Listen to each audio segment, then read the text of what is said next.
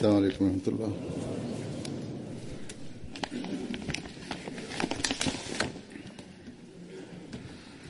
أشهد أن لا إله إلا الله وحده لا شريك له وأشهد أن محمدا عبده ورسوله. أما بعد فأعوذ بالله من الشيطان الرجيم بسم الله الرحمن الرحيم الحمد لله رب العالمين الرحمن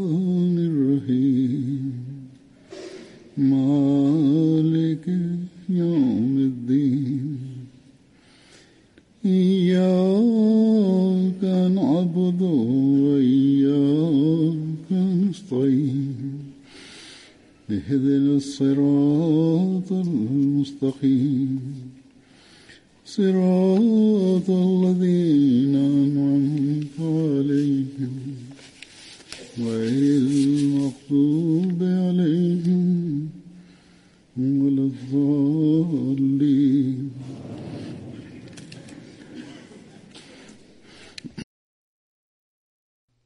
Pada khutbah yang lalu, saya telah sampaikan perihal Hadrat Ammar radhiyallahu anhu. Namun masih ada sebagian riwayat yang belum tersampaikan. Untuk itu pada hari ini akan saya sampaikan. Diriwayatkan oleh Hadrat Hasan radhiyallahu anhu bahwa Hadrat Ammar bin As mengatakan, Barang siapa yang dicintai Rasulullah sampai akhir hayat beliau, saya berharap semoga Allah tidak memasukkannya ke dalam neraka. Orang-orang mengatakan, kami menyaksikan bahwa Rasulullah mencintai Anda, yakni Hadrat Hasan. Rasul menjadikan Anda sebagai amil. Hadrat Amr bin As mengatakan, Allah lah yang lebih mengetahui apakah Allah mencintaiku atau beliau yang membuat saya jatuh cinta. Namun, kami menyaksikan beliau mencintai seseorang. Orang-orang bertanya, siapa gerangan orang itu? Hadrat Ammar bin As mengatakan, Ammar bin Yasir adalah orang yang selalu dicintai Rasulullah. Mendengar itu, orang-orang berkata, Kalianlah yang mensyahidkan beliau dalam perang Siffin kan? Hadrat Ammar bin As saat itu tengah berpihak pada Amir Muawiyah. Hadrat Ammar bin As mengatakan, Demi Tuhan, kamilah yang telah membunuh beliau. Dalam riwayat lain, Hadrat Ammar bin As mengatakan, Aku menjadi saksi atas dua orang bahwa Rasulullah mencintai mereka sampai akhir hayat beliau, yakni Hadrat Abdullah bin Mas'ud dan Hadrat Ammar bin Yasir.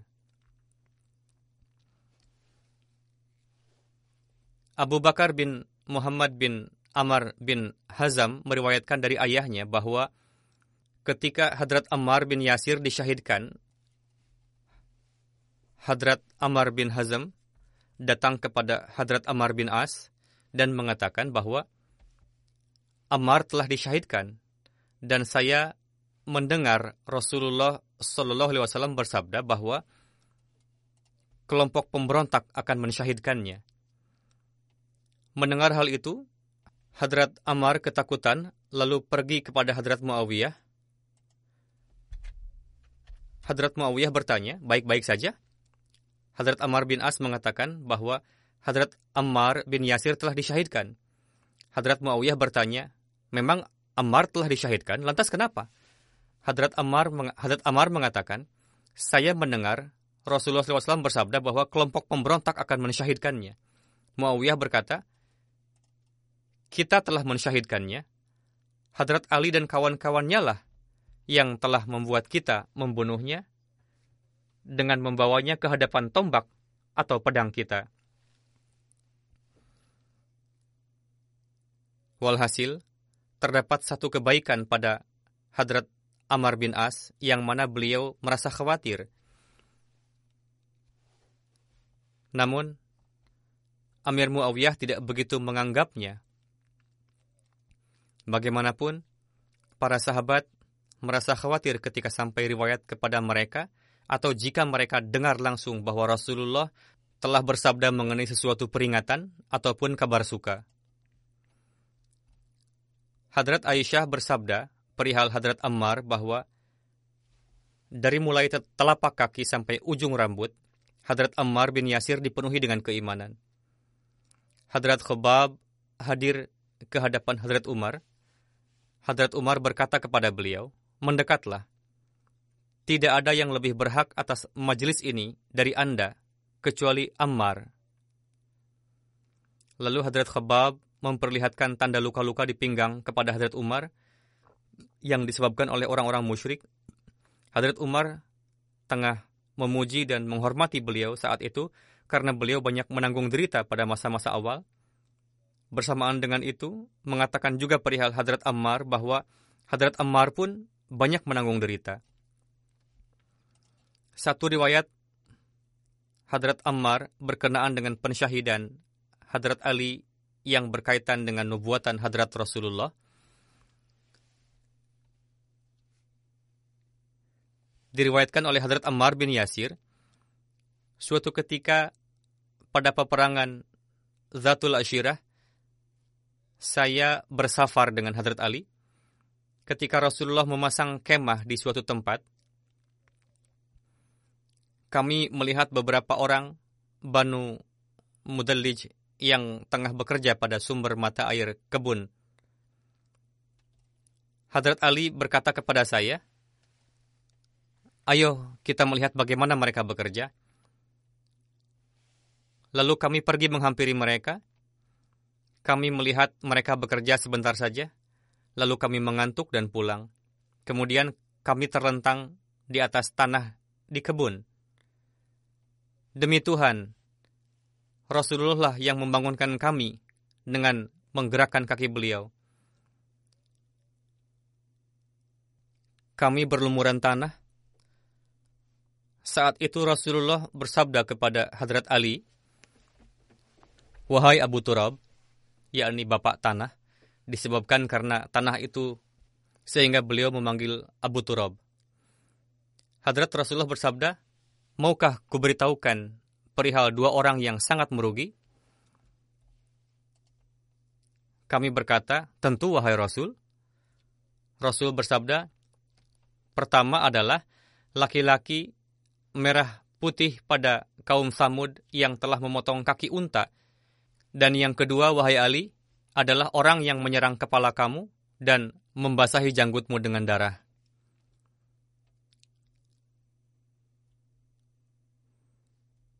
Abu Majlis meriwayatkan suatu kali Ammar bin Yasir mengimami salat dengan ringkas.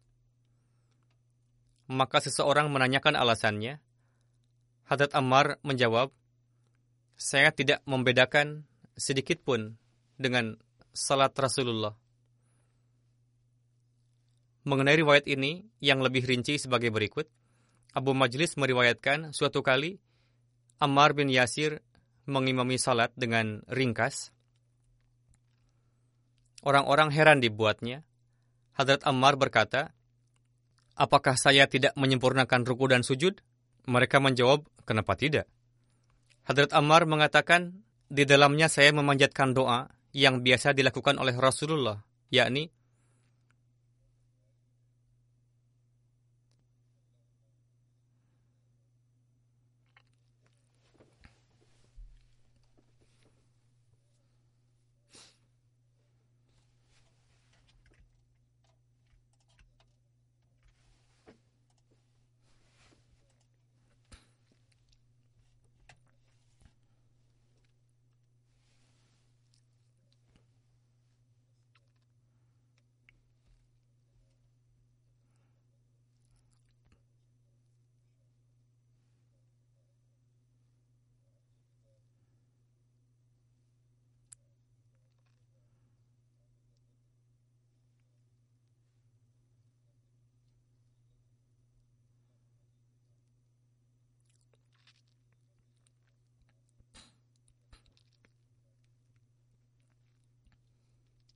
Artinya, Ya Allah, Engkau maha mengetahui hal yang gaib, kekuasaanmu meliputi segala makhluk.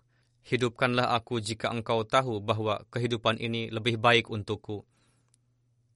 Dan matikanlah aku jika engkau tahu bahwa kematian itu lebih baik untukku.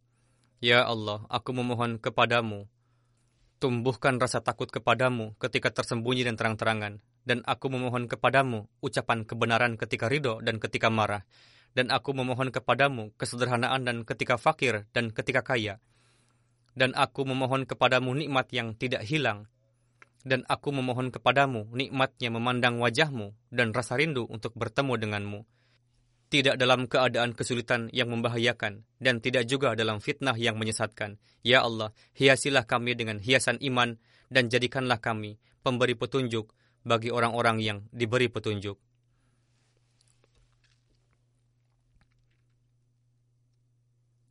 Dalam riwayat juga dikatakan bahwa Hadrat Ammar bin Yasir setiap hari Jumat menilawatkan surah Yasin di mimbar. Haris bin Suhail mengatakan, ada seseorang yang melaporkan Hadrat Ammar kepada Hadrat Umar.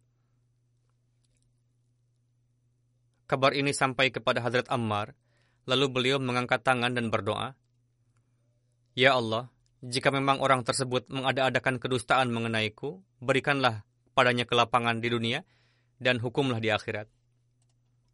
Abu Naufal bin Abi Akrab meriwayatkan bahwa Hadrat Ammar bin Yasir adalah orang yang paling pendiam dan paling kurang bicara.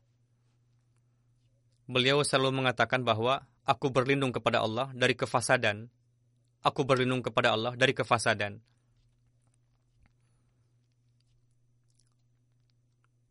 Khaithmah bin Abi Sabrah meriwayatkan, aku datang ke Madinah dan berdoa kepada Allah, Ya Allah, berikanlah aku kemudahan untuk dapat bergaul dengan orang baik. Lalu Allah Ta'ala mempertemukan saya dengan Abu Hurairah.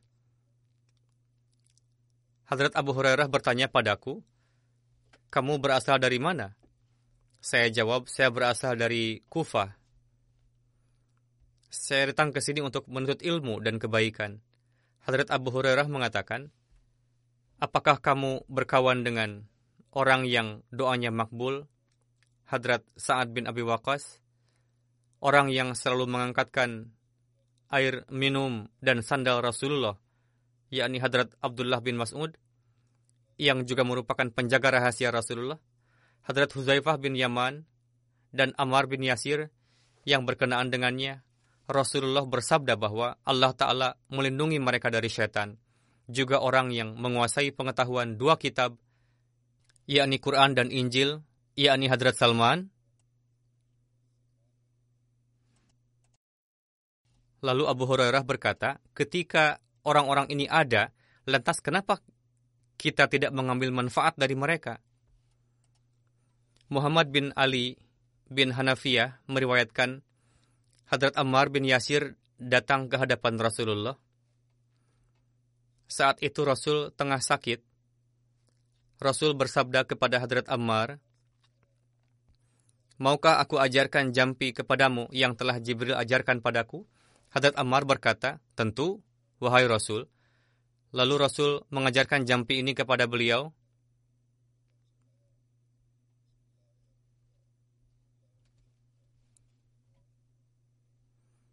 Artinya, aku menjampi setelah memulai dengan nama Allah, dan semoga Allah menyembuhkanmu dari penyakit yang mengganggumu. Peganglah ini dan berbahagialah.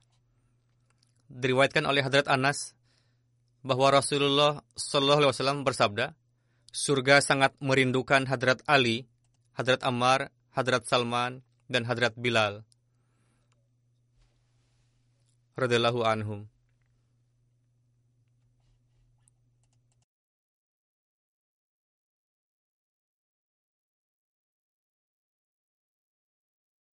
Diriwayatkan oleh Hadrat Huzaifah bahwa kami tengah duduk bersama dengan Rasulullah. Beliau bersabda, Aku tidak tahu berapa lama aku akan tinggal di tengah-tengah kalian. Untuk itu sepeninggalku, ikutilah orang-orang ini, yang mana beliau mengisyaratkan kepada Abu Bakar dan Umar. tirulah cara-cara Ammar dan yakinilah apa yang disampaikan oleh Ibnu Mas'ud kepada kalian.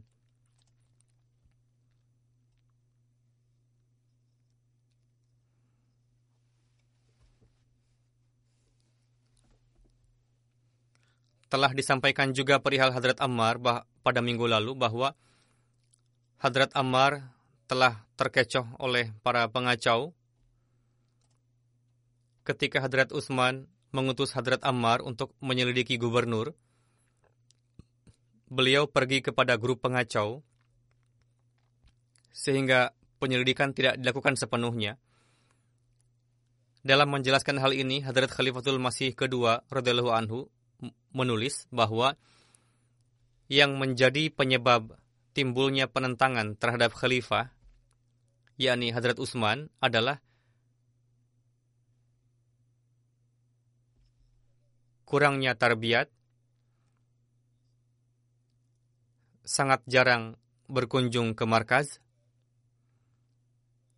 kurangnya pengetahuan Al-Quran, kurangnya ilmu agama, untuk itu Hadrat Muslim Maud menasihatkan kepada para Ahmadi untuk menjadikan hal ini sebagai pelajaran. Yakni pertama, pelajarilah ilmu Al-Quran, jalinlah hubungan dengan markaz, tuntutlah ilmu agama, sehingga dengan demikian, jika seandainya timbul fitnah kefasadan dalam jemaat, kalian akan terhindar darinya.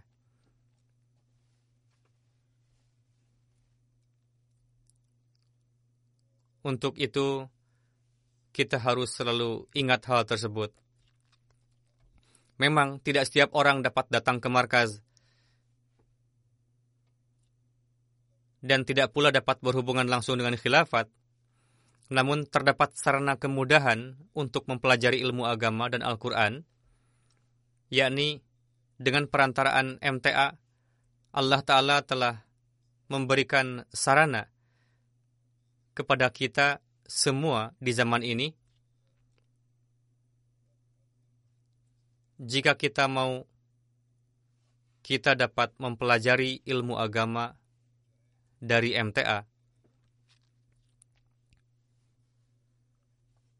Ada daras Quran, daras hadis, daras buku Masih Maud salam, ada tayangan khutbah yang dengannya hubungan dengan khilafat dapat terjalin, juga ceramah-ceramah lainnya, jalsah-jalsah, sekurang-kurangnya, jika kita menjalinkan diri dan anak keturunan kita dengan MTA, maka ini merupakan sarana yang baik untuk tarbiyat, dan itu dapat menyelamatkan kita dari berbagai macam fitnah kekacauan, dan meningkatkan ilmu agama kita juga. Untuk itu, para Ahmadi hendaknya menaruh perhatian yang dalam atas hal ini, yakni menjalinkan diri dengan sarana MTA yang telah Allah Ta'ala berikan. Saya akan sampaikan juga perihal sahabat lain bernama Hadrat Abu Lubabah bin Abdul Munzir. Terdapat perbedaan pendapat perihal nama Hadrat Abu Lubabah. Sebagian menyebutnya Bashir, Menurut Ibnu Ishaq namanya Rifa. Menurut Allamah Zamaksyari bernama Marwan. Beliau adalah berasal dari kabilah Aus Ansar dan termasuk ke dalam 12 naqib dan ikut serta dalam bayat Aqabah. Ketika perang Badar pada saat meninggalkan Madinah Rasulullah menetapkan Hadrat Ummi Hadrat Abdullah bin Ummi Maktum sebagai pejabat sementara Amir. Namun, ketika beliau sampai di dekat daerah Rauha yang berjarak 36 mil dari Madinah, mungkin disebabkan karena Abdullah Ummi Maktum adalah seorang tunanetra di sisi lain ada kabar kemungkinan datangnya pasukan Quraisy. Untuk itu diharapkan pengaturan di Madinah kokoh. Sehingga akhirnya beliau menunjuk Abu Lubabah sebagai Amir Madinah dan memulangkannya. Rasulullah memerintahkan perihal Hadrat Ummi Maktum untuk ditugaskan sebagai imam salat saja. Sedangkan untuk pemerintahan dibebankan kepada Hadrat Abu Lubabah. Akhirnya, Abu Lubabah kembali lagi setelah menempuh setengah perjalanan. Ibnu Ishaq mengatakan bahwa Hadrat Rasulullah menetapkan bagian untuk Abu Lubabah dari harta rampasan. Saat Perang Badar, setiap tiga orang menunggangi satu ekor unta secara bergantian, Abu Lubabah, Ali bin Abi Thalib, dan Rasulullah menunggangi satu ekor unta. Kemudian saat tiba giliran Rasulullah berjalan, kedua berkata, keduanya berkata, biar kami saja yang berjalan. Beliau bersabda, kalian berdua tidaklah lebih kuat dariku. Aku pun masih memerlukan pahala lebih dari yang kalian berdua perlukan pasca Perang Badar, Rasulullah mengutus Hadrat Zaid bin Harithah untuk menyampaikan kabar suka ke Madinah. Hadrat Zaid datang dengan mengendarai unta Rasulullah. Ketika beliau sampai di musola, beliau mengumumkan dari atas kendaraan dengan suara keras, bahwa dua putra Rabiah, Utbah dan Syaibah, anak-anak Hijaz, Abu Jahal, Abu Bakhtari, Zam'ah bin Al-Aswad, Umayyah bin Khalaf, kesemuanya telah terbunuh.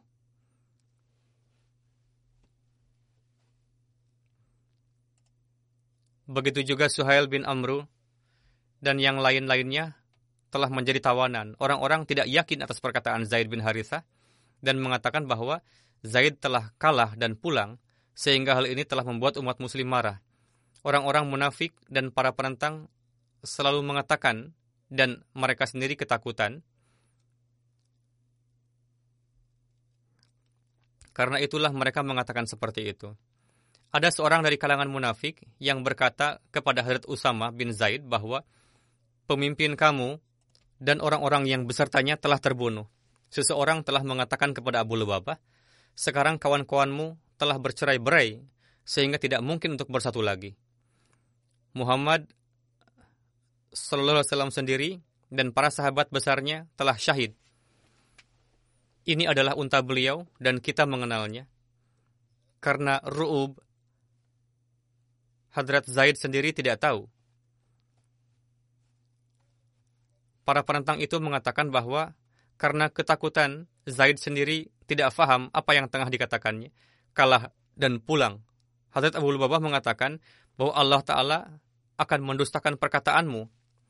Dan itu juga yang dikatakan Yahudi, yakni Zaid telah gagal dan kembali pulang. Hadrat Usama bin Zaid mengatakan bahwa secara terpisah, saya katakan kepada ayah saya, Wahai ayah, apakah yang Anda katakan itu benar? Hadrat Zaid berkata, Wahai anakku, demi Tuhan, adalah benar apa yang aku katakan. Hadrat Usama mengatakan bahwa dengan itu hati saya menjadi teguh. Berkenaan dengan kesederhanaan dan kecintaan Hadrat Abu Lubabah kepada Rasulullah, di dalam riwayat dijelaskan bahwa pada 5 Hijri, setelah selesai dari perang Khandak, Hadrat Rasulullah kembali ke kota. Baru saja beliau menurunkan senjata dan lain-lain dengan susahnya, dan selesai dari mandi dan berbasuh, beliau dikabari oleh Allah Ta'ala melalui kasyaf bahwa sebelum diputuskan perihal pembangkangan dan pemberontakan Banu Quraidah, hendaknya beliau jangan dulu menurunkan senjata. Beliau mengumumkan kepada para sahabat untuk menuju se semuanya ke benteng Banu Quraidah dan salat asar akan dilaksanakan di sana. Pada mulanya orang Yahudi memperlihatkan ketakaburannya. Namun, seiring berjalannya waktu, mereka mulai merasakan kesulitan dan ketidakberdayaan yang ditimbulkan oleh kepungan umat muslim.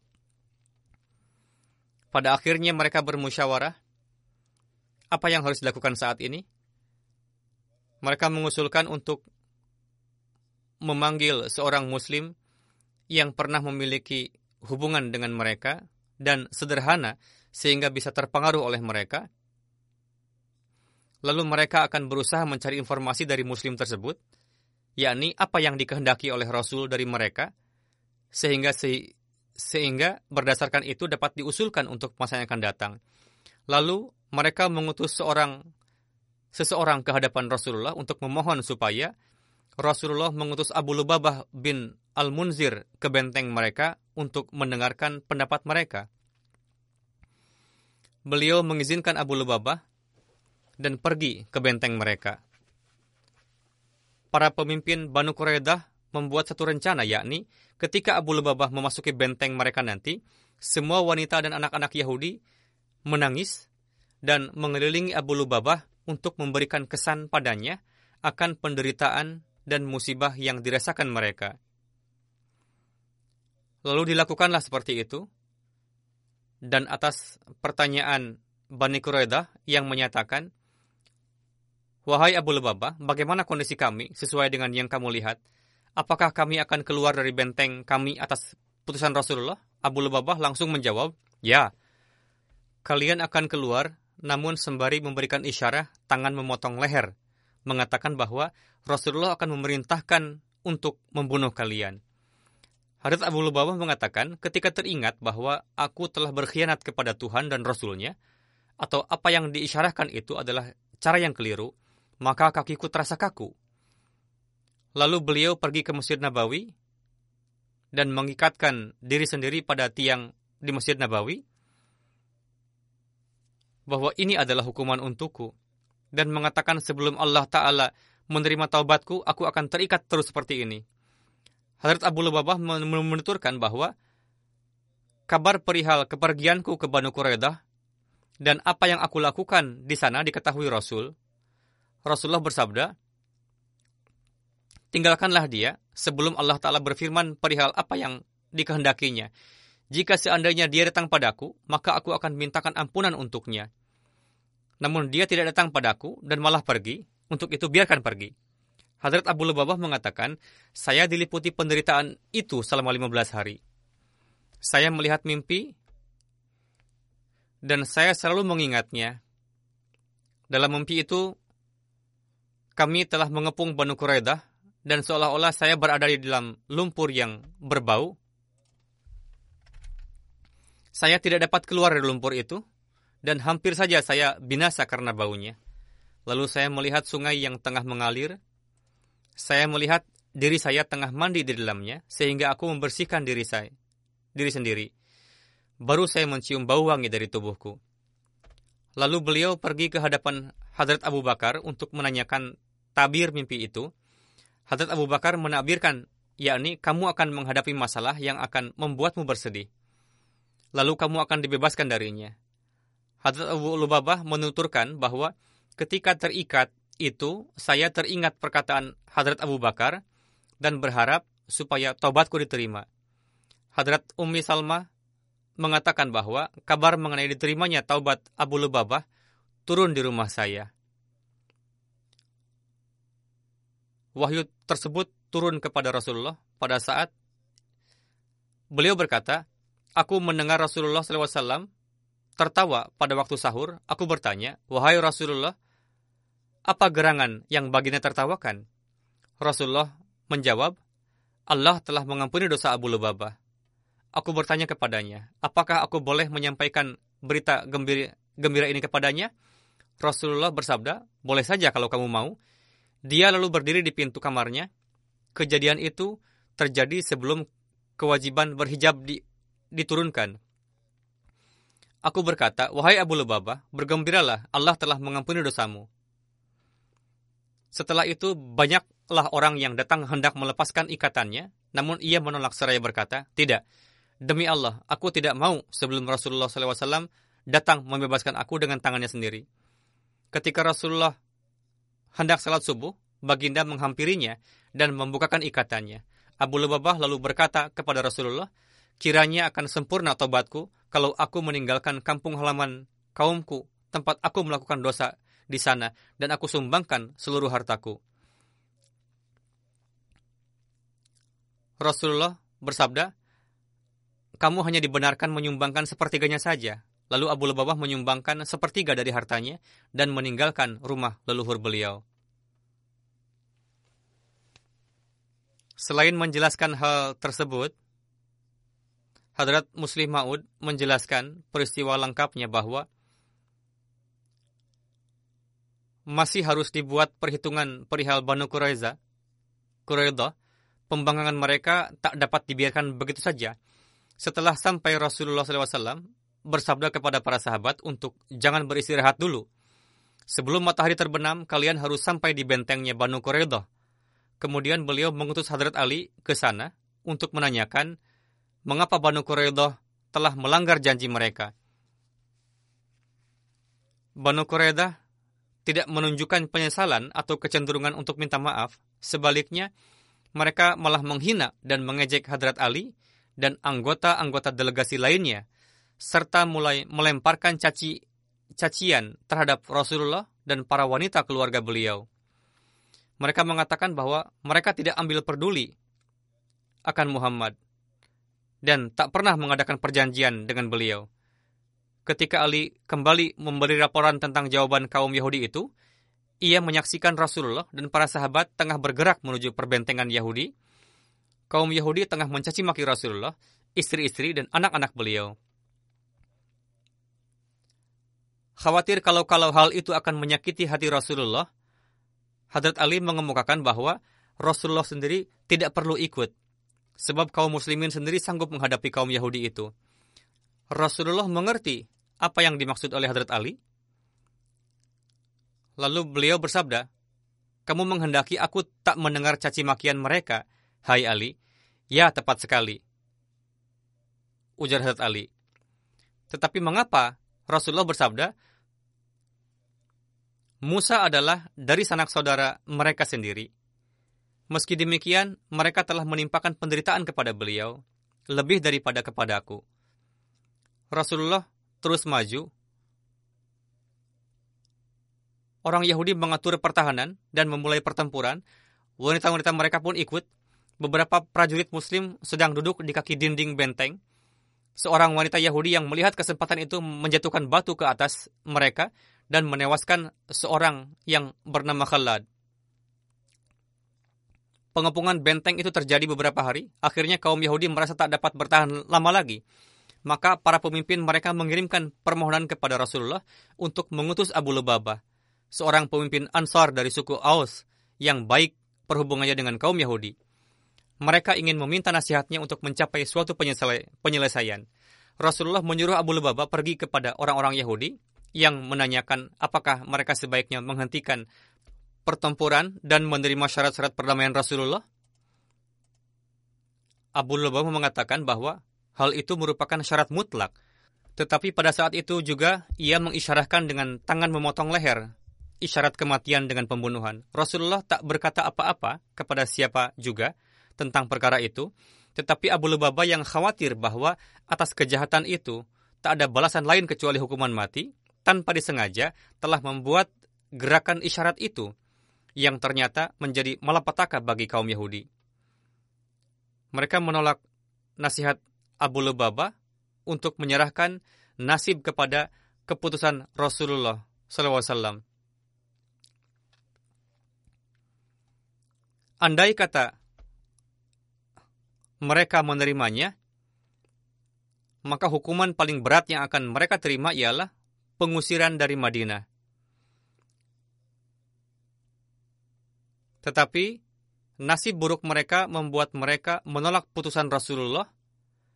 Daripada menerima keputusan Rasulullah, mereka lebih suka menerima keputusan Sa'ad bin Mu'az, pemimpin sekutu mereka, suku Aus. Mereka bersedia menerima apa pun yang diusulkannya. Suatu pertengkaran timbul di antara orang Yahudi. Beberapa dari mereka mulai mengatakan bahwa kaum mereka sesungguhnya telah mencabut persetujuan dengan kaum muslimin di pihak lain, sikap dan perilaku kaum muslimin menunjukkan kebenaran serta kejujuran, dan bahwa agama mereka pun agama yang benar. Mereka yang beranggapan demikian terus masuk Islam. Amar Amir bin Said, salah seorang pemimpin Yahudi menyesali kaumnya dan berkata, kamu telah melanggar kepercayaan dan telah mengkhianati janji yang telah kamu berikan. Jalan satu-satunya yang masih terbuka untuk kamu ialah masuk Islam atau membayar jizyah. Mereka berkata, kami tak mau masuk Islam dan tak mau membayar jizyah, sebab mati adalah lebih baik daripada membayar jizyah. Amir menjawab bahwa dalam keadaan demikian, ia cuci tangan dan sambil berkata demikian, ia meninggalkan benteng itu. Ia terlihat oleh Muhammad bin Masyama, panglima pasukan muslim, yang bertanya siapa dia. Setelah diketahui asal-usulnya, dikatakan kepadanya bahwa ia boleh pergi dengan aman, dan Muhammad bin Masyama sendiri berdoa keras,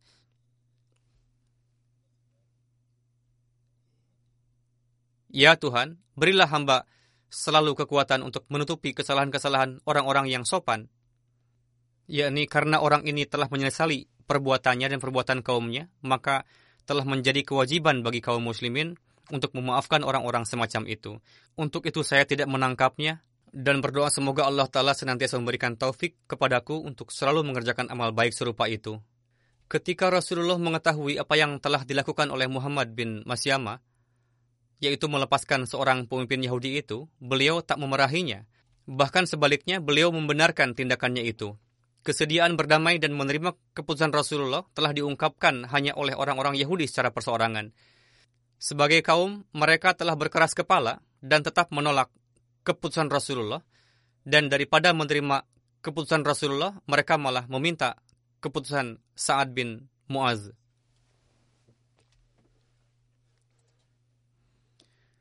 dan sesuai dengan kitab mereka diputuskanlah bahwa tidak ada tuduhan atas Rasulullah, tidak juga atas para sahabat bahwa mereka telah melakukan kezaliman.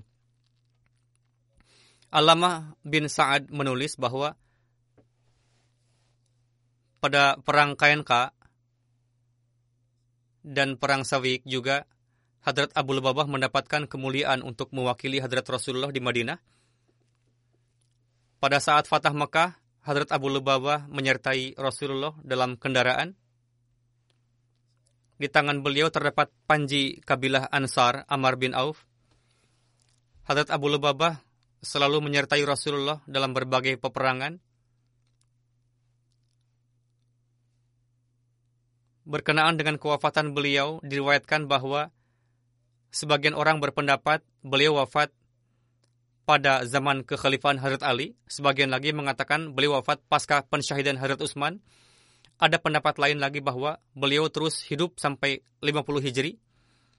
Sa'id bin Musayyab meriwayatkan, Hadrat Abu Lubabah bin Abdul Munzir mengatakan bahwa pada hari Jumat Rasulullah memanjatkan doa untuk turun hujan bersabda Allahumma skina Allahumma skina Allahumma skina Ya Tuhan, turunkanlah hujan atas kami, turunkanlah hujan atas kami, turunkanlah hujan atas kami. Abu Lebabah berdiri dan berkata, Ya Rasulullah, buah-buahan di kebun. Perawi mengatakan, pada saat itu tidak nampak awan di langit. Rasulullah bersabda, Ya Allah, turunkanlah hujan atas kami, sampai-sampai Abu Lubabah membuka pakaiannya, lalu menutup lubang air di ladangnya dengan pakaiannya. Diriwayatkan, setelah doa tersebut, mulailah turun hujan dari langit, awan muncul dan hujan turun. Lalu Rasulullah memimpin salat. Perawi mengatakan kaum Ansor mendatangi Abu Lubabah dan mengatakan, Wahai Abu Lubabah, demi Tuhan, hujan ini tidak akan berhenti sebelum sesuai dengan sabda Rasulullah. Anda dengan badan telanjang menutup lubang air di ladang dengan pakaian Anda.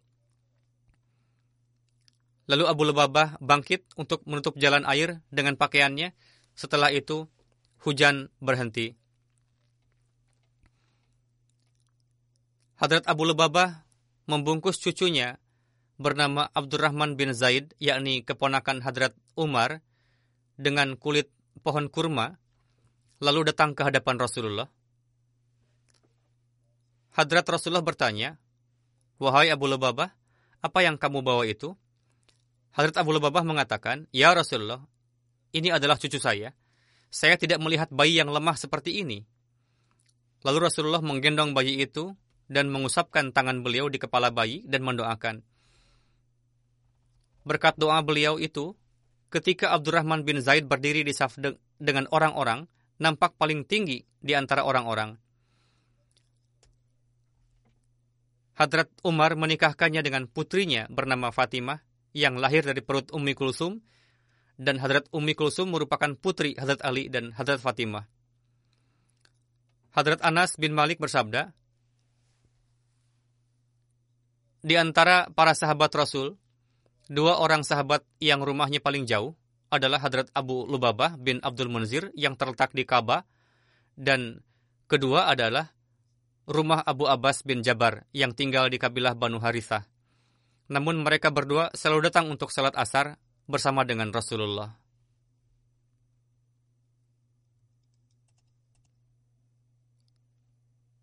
Demikianlah peri kehidupan para sahabat tadi. Semoga Allah Ta'ala meninggikan derajat mereka setinggi-tingginya.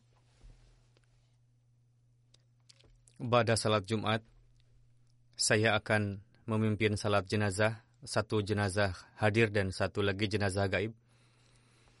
Jenazah gaib adalah almarhum Kazi Syaban Ahmad Khan Sahib Syahid, penduduk Sawabah Garden Lahore, Qazi Shaban Ahmad Khan Sahib bin Qazi Muhammad Salman Sahib wafat pada tanggal 25 Juni 2018 pada usia 47 tahun setelah disyahidkan oleh para penentang jemaat dengan memasuki rumah dan menembak beliau. Innalillahi wa inna ilaihi rajiun. Kisah lengkapnya pada malam hari tanggal 25 Juni orang yang memakai penutup wajah memasuki rumah beliau. Saat itu Kazi Sahib dan istri tengah berada di kamar dan putri putri beliau berada di kamar yang lain. Istri Kazi Sahib tengah berada di kamar mandi. Ketika keluar dari kamar mandi, istri beliau melihat ada dua orang yang memakai penutup wajah. Melihat itu, salah seorang dari mereka memukul pistol ke kepala beliau, lalu menyeretnya ke kamar putri beliau. Sedangkan yang satunya lagi berada di kamar Kazi Sahib, lalu menembakkan tiga peluru di perut beliau yang menyebabkan beliau wafat seketika. Innalillahi wa inna ilaihi rajiun. Syahid almarhum telah bayat beserta istri pada tahun 2001 dengan perantaraan kawan beliau Muhammad Iqbal Sahib. Kazi Sahib adalah penduduk Muzaffar Abad, Kashmir. Pada tahun 2001 beliau berpindah ke Nashtar Koloni Sawabah Garden Lahore. Sebelumnya beliau pernah tinggal juga di Township Lahore. Kazi Syaban Sahib mengelola sekolah anak-anak penyandang cacat atau SLB. Tempat tinggal beliau berada di lantai atas sekolah tersebut pada saat membangun sekolah yang terletak di bawah rumah beliau dan memasuki tahapan pengecoran. Ternyata kedua orang tak dikenal sudah bersembunyi sebelumnya di bangunan tersebut, lalu melakukan aksinya pada saat yang tepat. Syahid almarhum memiliki banyak sekali keistimewaan. Setelah bayat, almarhum terbukti menjadi insan yang mukhlis dan soleh memiliki kecintaan yang dalam pada khilafat, almarhum telah memasang antena parabola untuk dapat menonton MTA agar dapat menjalinkan kedekatan diri dan keluarga beliau dengan khilafat. Beliau gigih dalam pengorbanan harta. Beliau berkhidmat di cabang sebagai sekretaris audio video dan beliau biasa memperbaiki parabola orang lain tanpa meminta bayaran. Kazi Sahib menikahi sepupu sendiri. Dalam keluarga besar beliau hanya keluarga beliaulah yang Ahmadi selebihnya menentang beliau karena jemaat. Beberapa bulan sebelumnya, kakak ipar Kazi Sahib datang ke rumah beliau dan mengatakan bahwa kami dapat kabar bahwa kalian sudah menjadi mirzai. Saat itu pandangan sang kakak ipar tertuju pada parabola yang ada di atap, lalu ingin menghancurkannya. Kazi Sahib menghentikannya dan akhirnya keduanya saling cekcok. Setelah itu sang kakak ipar berkata pada adik, yakni istri Kazi Sahib, Nikah kamu sudah batal, ayo ikut saya karena suamimu sudah menjadi mirzai. Mendengar hal itu, istri Kazi Sahib mengatakan pada kakaknya, saya sendiri adalah Ahmadi dan Muslim, dan saya pun menganggap Kazi Sahib sebagai Muslim. Saya tidak akan ikut kamu. Istri beliau mengatakan, Syahid almarhum saat itu diancam oleh para penentang sehingga membuat beliau khawatir dan membuat beliau bersedih beberapa hari dan mengurangi pergi keluar rumah. Kazi Sahib juga pernah mengatakan pada istri, jika terjadi apa-apa dengan saya, maka infokan langsung kepada ketua jemaat. Untuk itu, setelah peristiwa pensyahidan, istri beliau langsung melakukannya dan menginfokan kepada para pengurus jemaat. Dengan memperlihatkan istiqomah, meskipun kerabat Gair Ahmadi yang datang menjenguk, namun istri almarhum mengatakan jenazah akan disalatkan dan dikuburkan oleh orang-orang jemaat kerabat dekat almarhum pun datang ke Masjid Baitun Nur pasca kewafatan, namun mereka tidak ikut menyolatkan. istri dan putri-putri beliau ikut serta ke kuburan. Almarhum syahid meninggalkan istri bernama Syahnaz Syaban Sahibah, 40 tahun, dan putri beliau bernama Kiran, 19 tahun, dan Sidra Syaban, 18 tahun, dan Malaika 11 tahun. Karena polio, ketiga putrinya ini cacat. Semoga Allah Ta'ala sendiri yang menjaga mereka, menjauhkan mereka dari segala kesulitan dan meninggikan derajat almarhum Kazi Syahib. Amin. Jenazah kedua adalah jenazah hadir.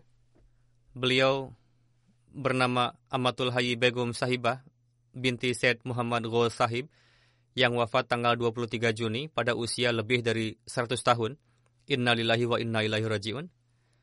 Ayahanda beliau, Syed Muhammad Ghul Sahib, memiliki dua keistimewaan, yakni pertama, meskipun beliau bukan sahabat, namun Hadrat Khalifatul Masih kedua, radhiyallahu anhu telah merestui jenazah beliau dimakamkan di tempat di mana para sahabat dimakamkan di Baish Makbarah.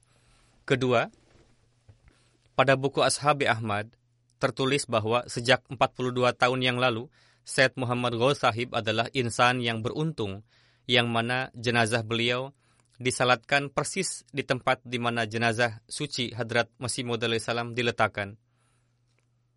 Pada saat itu Hadrat Syekh Yakub Ali Irfani Sahib berdiri di atas kursi dan memberikan kesaksian dengan suara yang keras. Meskipun pada saat pernikahan Amatullah Sahibah ayahanda beliau ada, namun atas permohonan ayahanda beliau, yang bertindak sebagai wali nikah adalah Hadrat Khalifatul Masih Sani radhiyallahu anhu dan juga menikahkan beliau. Dalam khutbah nikah tersebut beliau bersabda, saat ini saya umumkan nikah putri kecil Syed Sahib bernama Amatul Hayy dengan kerabat dekat Dr. Muhammad Abdul Sahib yang bernama Muhammad Yunus Sahib. Dalam perjodohan ini, Syed Sahib sangat memperhatikan pada keikhlasan Hadrat Muslim Ma'ud bersabda, karena perbedaan adat, sehingga saya selalu menulis surat kepada beliau untuk mencari jodoh di Hyderabad. Namun beliau berkeinginan untuk mendapatkan jodoh di Kadian, Punjab. Supaya ada satu pendorong lagi bagi beliau untuk datang ke Kadian. Muhammad Yunus Sahib adalah penduduk daerah Karnal yang berdekatan dengan Delhi, namun dibandingkan dengan Hyderabad sangat dekat jaraknya dari Kadian. Keluarga Syed Sahib adalah keluarga yang mukhlis, para wanita dalam keluarga ini memiliki hubungan keikhlasan sedemikian rupa dengan para wanita dalam keluarga kami. Begitu juga putri-putri mereka dan putra-putra mereka, sehingga seolah-olah merupakan satu keluarga. Keluarga kami bergaul tanpa segan dengan keluarga beliau. Pernikahan dalam salah satu keluarga kami dirasakan sebagai pernikahan keluarga sendiri. Begitu juga dalam merasakan kesedihan. Telah ditetapkan pernikahan putri beliau dengan Muhammad Yunus Sahib bin Abdul Aziz Sahib penduduk Ladwa daerah Kernal dengan mas kawin sebesar seribu rupis. Hadrat Muslim Ma'ud bersabda, Syed Sahib meminta saya bertindak sebagai wali pengantin wanita. Amatul Hayy Sahib bah dawam puasa dan salat, rajin berdoa, taat pada khilafat, mukhlis. Beliau juga sering datang berjumpa dengan saya meskipun sudah tua renta dan menzahirkan keikhlasan. Beliau wanita yang salihah dan seorang musiah. Beliau meninggalkan dua putra dan dua putri, dan banyak sekali cucu. Beliau adalah ibunda dari Muhammad Idris Sahib Haider Abadi, Germany. Di sini juga ada satu cucu beliau yang berkhidmat di Khudamul Ahmadiyah bernama Musawir Sahib. Semoga Allah Ta'ala meninggikan derajat beliau dan memberikan taufik kepada para keturunan beliau untuk menjalin hubungan sejati dan hakiki dengan khilafat.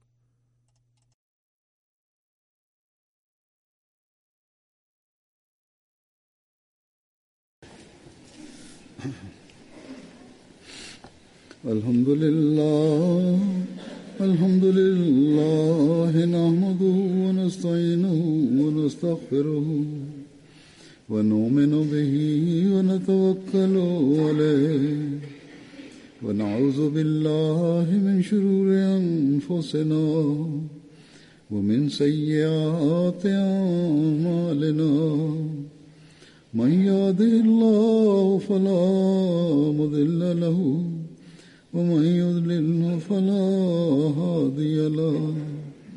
ونشهد أن لا إله إلا الله ونشهد أن محمدا عبده ورسوله. عباد الله رحمكم الله إن الله بالعدل واللسان وإيتاء ذي القربى وينهى عن الفحشاء والمنكر والبغي يعظكم لعلكم تذكرون اذكروا الله يذكركم وادعوه يستجب لكم ولذكر الله أكبر